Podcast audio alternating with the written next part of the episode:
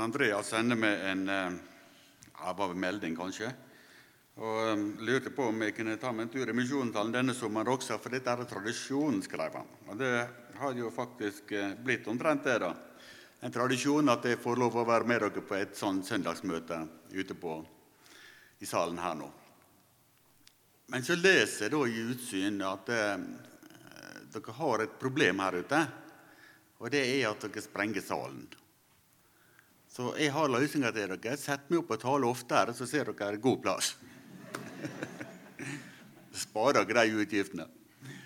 Ja, nei, det er vel en del som er på reise. På tur. Jeg hørte det var en del nede på Fankasa, men de var ikke helt fornøyd med været. da, Men det var noe annet. Men eh, det er kjekt å være sammen med dere. Og så så jeg i fredag da i, var da det sto annonse, var ikke fredag? Ja. Der bruker også her jo en unge med annonser, men det var bare Misjonssalen som hadde møte, tror jeg. omtrent. Så det, det, det, er vel litt eh, grese mellom møtene nå for tida. Eh, da skal vi lese sammen det som er teksten på denne søndagen. Vi finner den i Markusevangeliet, kapittel eh, 12, og ifra vers eh, 20 Nei, jeg må til med disse brillene mine. vet dere. Ja. Det er 28. Det første bådet står det over. En av de skriftlærde som hadde hørt på dette ordskiftet, skjønner at Jesus hadde svara dem godt. Nå kom han bort til han og spurte, hva for et båd er det første av alle? Jesus svarer, dette er det første bådet. Høyr Israel, Herren vår Gud, Herren er ein.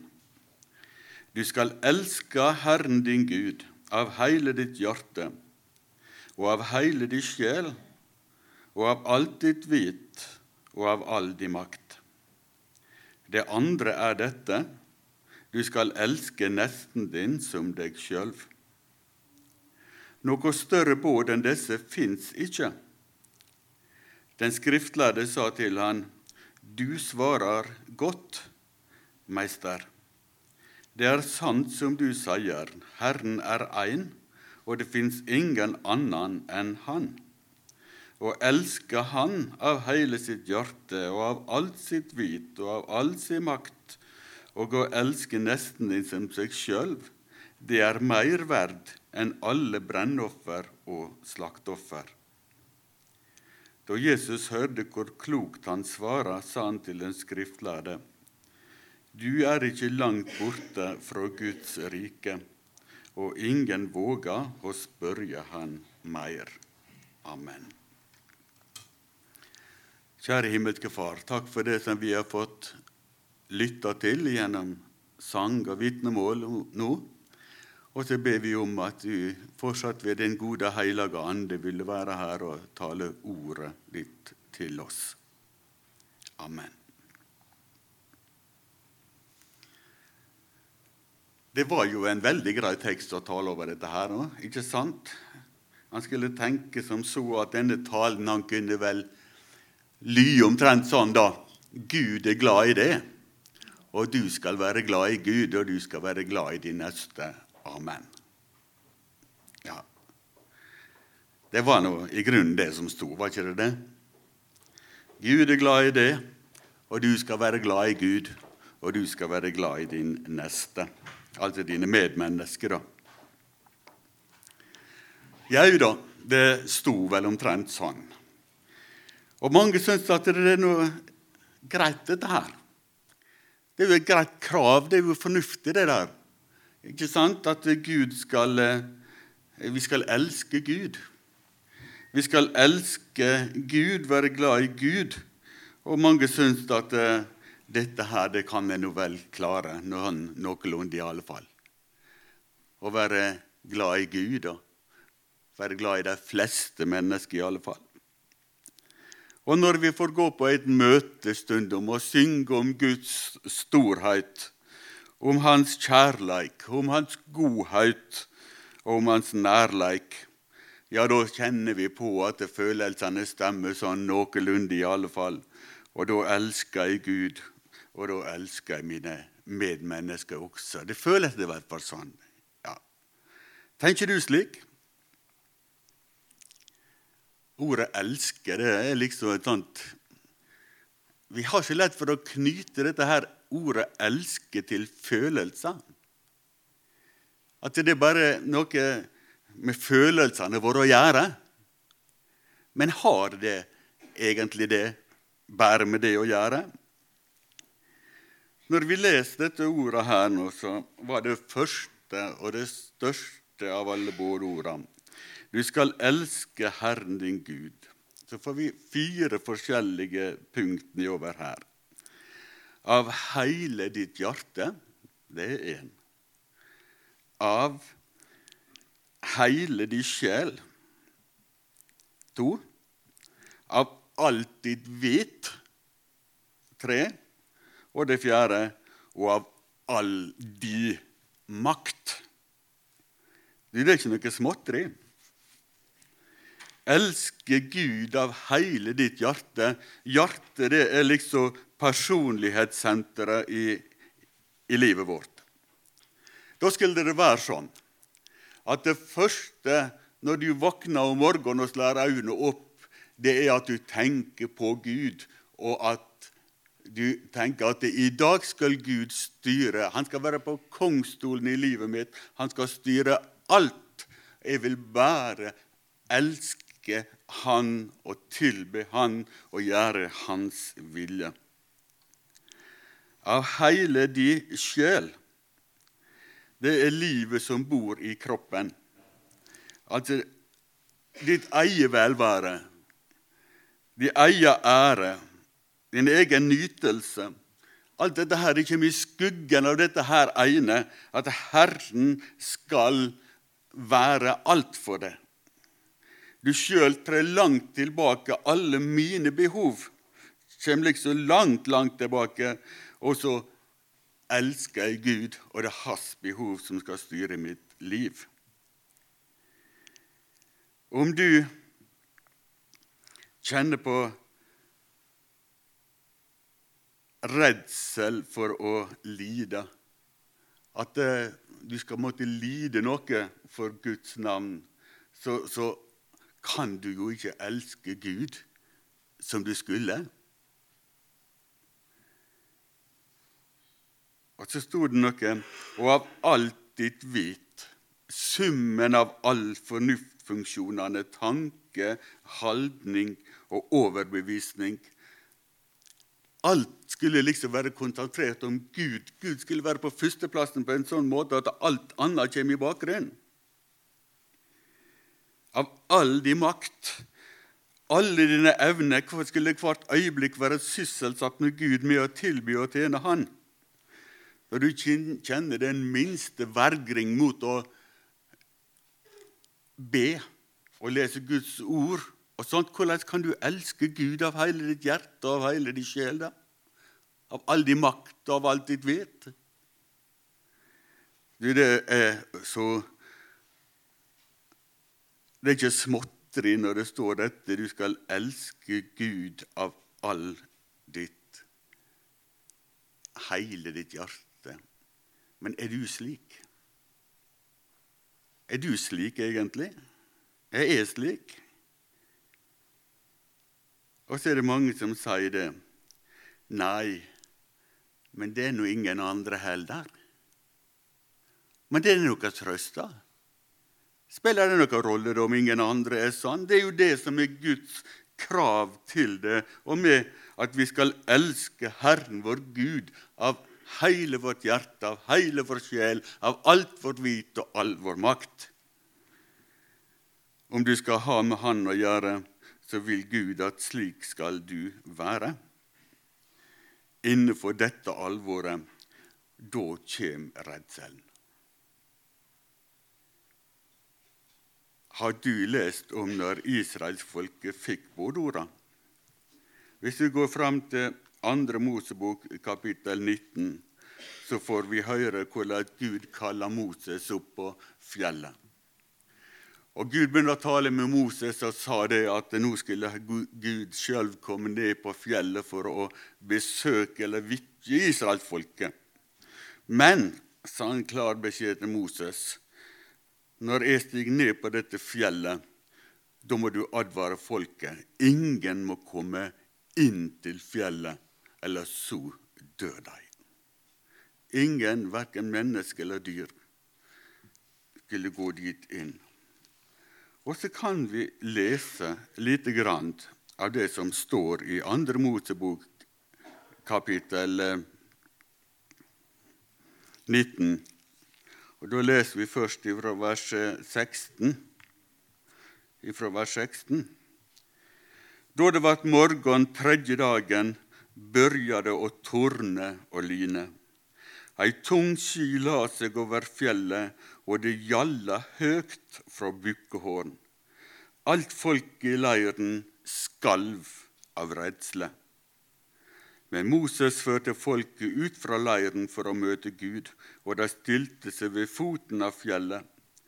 Hele Sinai-fjellet stod i røyk, fordi Herren hadde stiget ned på det i eld. Røyken steg opp fra smelt, som fra en smelteovn, og hele fjellet skalv. Lyden av bukkehorn var sterkere og sterkere. Moses tala, og Gud svarer han med høg røyst. Da steig Herren ned på toppen av Sinafjellet. Herren kalla Moses opp til toppen av fjellet, og Moses gikk opp. Herren sa til han, gå ned og åtvar folket, så de ikke trengte seg fram til Herren for å sjå, for da kjem mange av dem til å falle. Jamvel prestene som ellers får stige fram for Herren, må helge seg for at Herren ikke skal bryte inn iblant dem. Da sa Moses til Herren, folket kan ikke gå opp på Sinai-fjellet, for du har sjølv åtvara oss og sagt, dra ei grense rundt fjellet og lys det heilagt. Herren sa til han, gå ned, og kom så opp att sammen med Aron. Men prestene og folket må ikke trenge seg fram for å gå opp til Herren, for da bryter han inn blant dem. Da gikk Moses ned fra fjellet og sa til dem, og så kommer bådorda. Og så hopper vi ned etter at bådorda er, er ferdige, i det 20. kapittel. Og så avslutninga der fra vers 18. Hele folket var vitne til torebraka og lynglimta, lyden av bukkehorn og røyken fra fjellet. Folket så det og skalv og vart stående langt borte. Da sa de sa til Moses, tal med oss du, så skal vi høre. Men lat ikke Gud tale med oss, for da kommer vi til å dø. Lat ikke Gud tale til oss, for da kommer vi til å dø. Å, for ei redsle som la seg over dem den dagen de sto inne ved det, og de oppdaga at Gud, han var jo farlig. Den tre ganger hellige Gud, han er livsfarlig for en synder. Visste du det? Men hvorfor skal jeg snakke om det? Gud er så glad i deg, vi sang vi, og, og alle disse flotte, fine barnesangene. Og det er sant, det. Men det er ei anna side ved dette som vi ikke må glemme. Og det er at Gud den tre ganger hellige, store, mektige Gud, han er simpelthen farlig for et syndig menneske. Når mennesket oppdager dette, så skaper det redsle. Men hvorfor skal jeg nå er ute etter at du skal få en sånn redsle i livet ditt? da? Vi har hørt nå og lest noen har sagt i den senere tida om dette her nå er det Frelste heter det noe sånt, det som gikk på VGTV eller et eller annet sånt, og, og så videre. Der er stått fram noe som, som har sterke skada, man har sagt fra ungdom og barndom av. Og så blir det lagt inn over oss dette at det er så mange mennesker som går omkring med seinskader fordi at de har hørt at et menneske kan gå fortapt. Og det er så mange som levde i en konstant redsel fordi at det var sagt at Jesus skulle komme igjen, og så var de så redde de ikke skulle få være med. Og så skaper det en sånn liksom Hysj, hysj, du må ikke være stygg med folk. Og det vil vi nødig være. Men skal vi ta bort dette alvoret fra Guds ord, så tar vi jo bort noe veldig vesentlig, og som gjør at eh, kristendommen han blir ikke lenger kristendom. Vi veit at eh, vi er godt utbygd med elektrisk kraft i landet vårt. Og så har vi noen sånne jeg sa det med Ingrid når vi kjørte utover disse monstermastene i Sykkylven som strekker seg over fjorden. da nå. Det kom ikke til å komme en turist til landet vårt lenger hvis disse monstermastene kom. vet dere, har de skremt oss. Ja, ja, de er nå på plass, og ingen av oss tenker vel over dem. Men vi har sett disse her nå, stolpene i gamle dager som sto plassert der nå, og så sto det høgspenning. Sånn livsfare. Og egentlig, du, Gud, den store, allmektige, trekonger, hellige Gud, har ei sånn enorm kraft i seg at det utfører og skaper ei livsfare. Men det er framfor dette alvor at mennesket ser de trenger frelse. Jeg har dagen.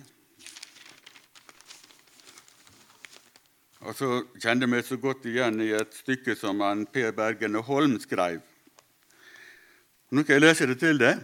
Jeg fikk nettopp en bok tilsendt. Gud har en fantastisk plan med ditt liv.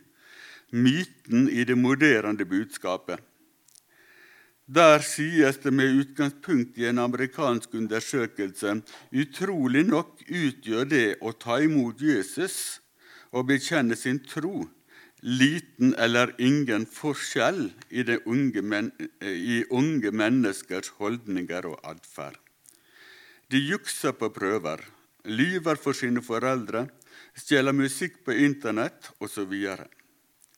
Jeg tror ikke dette bare gjelder USA, men det er nok også situasjonen hos oss. Forfatteren Ray Comfort konkluderer med at de fleste unge kristne ikke er omvendt og født på ny. De kaller vel Jesus Herre, men de lever ikke etter Guds ord. Komfort legger mye av ansvaret på forkynnelsen. De unge er kommet til Jesus fordi han er fremstilt for dem som en som har noe å tilføre dem. Han kan hjelpe dem med alle deres problemer, og han har en fantastisk plan for deres liv. Forkynnere og kristenledere tenker at om noen i vår tid skal bli kristne, så må de oppleve det å bli kristen som noe positivt som noe som tilfører dem noe. Og de må ikke støtes bort gjennom å møte noe som ikke tiltaler dem. Derfor har de unge aldri blitt stilt innfor Guds lov, aldri hørt den hellige Guds dom over deres liv, aldri måttet rope til Gud om frelse fra Hans vrede og dom. Synden har aldri vært noe virkelig problem, for Guds kjærlighet og nåde er noe ganske selvfølgelig.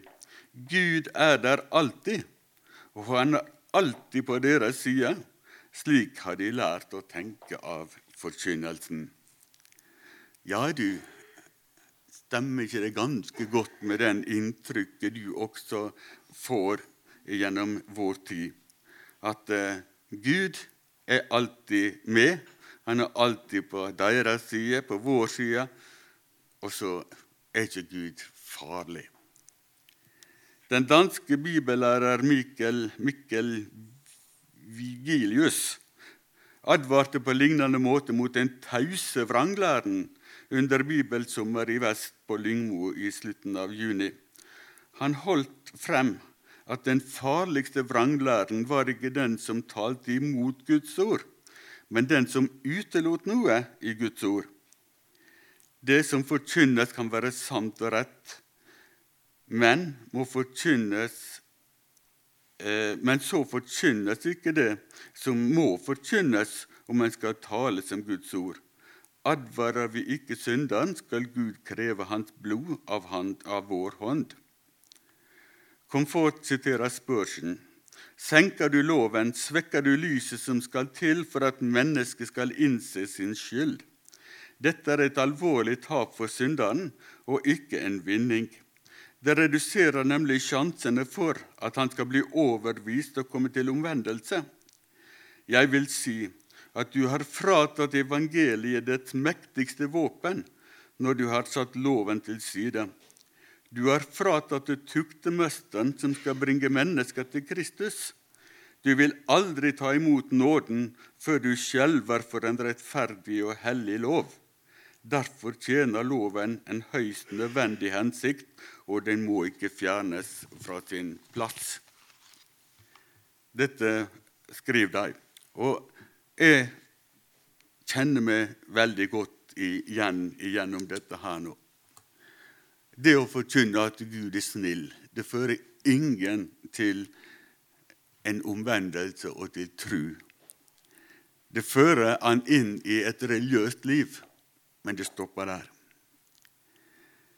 Derfor Ja, jeg las noe utsyn. Dette nye utsyn som er noe knapt uh, godt å kjenne igjen lenger. Det er så fire, firkanta og lite. vet du. Ja.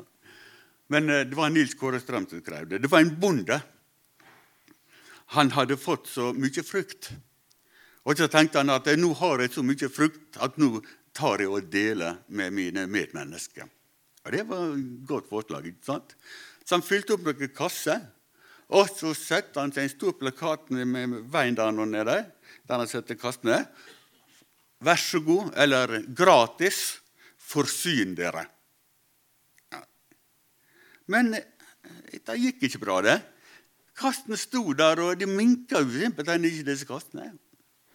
Nei, Så kommer dattera hjem en dag eller hva det var, og forteller at det har blitt noe kluss med, med plakaten der nede. For han har liksom bretta seg lite Grann. Så de som kjørte forbi, de las altså 'gratis for syndere'. Ja. Det var liksom et opphold. For syndere. Og ingen stoppa og ville ta av den frukta når det var for syndere. Hadde det vært for uh, noen andre, så var det kanskje Men, men for syndere, da minka det ikke. Og sånn du, er det faktisk med evangeliet også. Det er for syndere. Og det er først når vi kommer inn i denne krisa, at vi trenger til nåde av Gud. Det er først da vi audmjuker oss og begynner å forsyne oss av alt dette som Gud vil gi oss. Du, tilbake til denne skriftlæreren som vi la som i teksten vår. Han eh, var en skriftlærd. Og han var ikke en sadukeer som hadde vært i kontakt med dette her før, men gjerne en annen mann. Eh, og han hadde mye fornuftig. Og han kom ikke for å sette Jesus på prøve, men han kom simpelthen for å bli opplyst om, om, om kristendommen og om, om, det Gud hadde sagt og alt dette her. Og når han spør dette spørsmålet, og han får dette svaret av Jesus Du skal elske Gud, og du skal elske din neste. Så oppfatter han ja, det var, det var sant, det der. Og det var mer verd enn alle brennoffer og slakteoffer, egentlig. Jau, dette var fornuftig, syntes han. Men han hadde ikke tydeligvis blitt noen synder som hadde sittet fast i dette her nå. Så han syntes det var fornuftig, og Jesus han fikk han kjær fordi han, han var så oppriktig. Men han let han gå. Faktisk virka det som, iallfall. Du, vi kan ikke tvinge noen i Guds rike. Du er så nær Guds rike. Du er så nær. Men så lenge du ikke har kjørt det fast, så jeg kan få løse det ut, så er ikke det liksom noe hjelp å gi det. Eh, vi hører så mange vitnemål, vi som går på Vestborg og får høre elever og andre. Eh, vi, eh, vi hører så mange vitnemål. Men eh, der er det jo en tone han leter etter, da, som kanskje er litt eh, At Gud er stor, og at Gud er fantastisk, og at Gud er ditt og at Gud er datt, det, det hører vi. Men en tone prøver vi å lytte etter. Og jeg tenker tilbake på han eh, Knut Vikenes satt en gang og fortalte om ei jente. Ja, sa han om jenta. Eh, men da ut på skoleåret, sa han en gang. Da reiste hun seg på et møte, og så las hun en sang fra sangboka. Og så sangen den lyder sånn «Eh, Uverdig er jeg, Herre, til all din miskunnhet, fortjente ei å være som barn blant dine med. Jeg står så langt tilbake i barnlig lydighet og må nå frukten smake i sår samvittighet. Og så las hun det andre verset. Jeg er så ganske ringe, så arm i sjel og sinn. Jeg kan deg intet bringe til gave, Herre min. Jeg eier kun et hjerte hvis hele håp er du. Det brast i savn og smerte, kom du meg ei i hu. Og Da sa Knut det, når hun las det, da skjønte hun at hun hadde fått med Gud å gjøre. Da skjønte jeg at hun hadde fått med Gud å gjøre. Det er så godt når vi får møte disse som har fått med Gud å gjøre. De har fått problemer med synda. De har fått problemer med seg sjølve fordi at de er en synder. Og så er det så små tanker om seg sjøl og hva de kan gjøre. Men så blir blikket vendt ifra han sjøl og til en som ordner opp. Jeg sa dette at eh, Gud er livsfarlig, at Gud er høg spenning. Men det som vi ser på alle disse her nå, eh, høgspentlinjene, det er at det kommer fram til en transformator. Og så blir denne voldsomme krafta eh, tona ned til et annet nivå. Og så går det inn til husene våre. Og så går det inn i stikkontaktene våre. Og så kan vi sette inn i et, uh, stikkontakt. Og så kan vi sette på et varmeteppe som kan varme oss godt i ei kald seng ja, da blir det varme. Da blir det et lunt og fint lite lys som skinner for oss. Og det var dette Jesus gjorde. du. Han gikk imellom denne veldige krafta. Han var transformatoren som tok det ned fordi at jeg og du skal få møte en nådig Gud.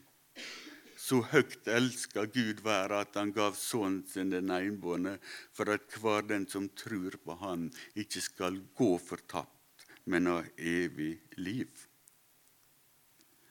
Og så kjenner vi på dette at vi er så ringe og små. Men Gud, jeg gjerne ville av hjertet elske deg. Du kjærlighetens kilde, inngyt ditt liv i meg.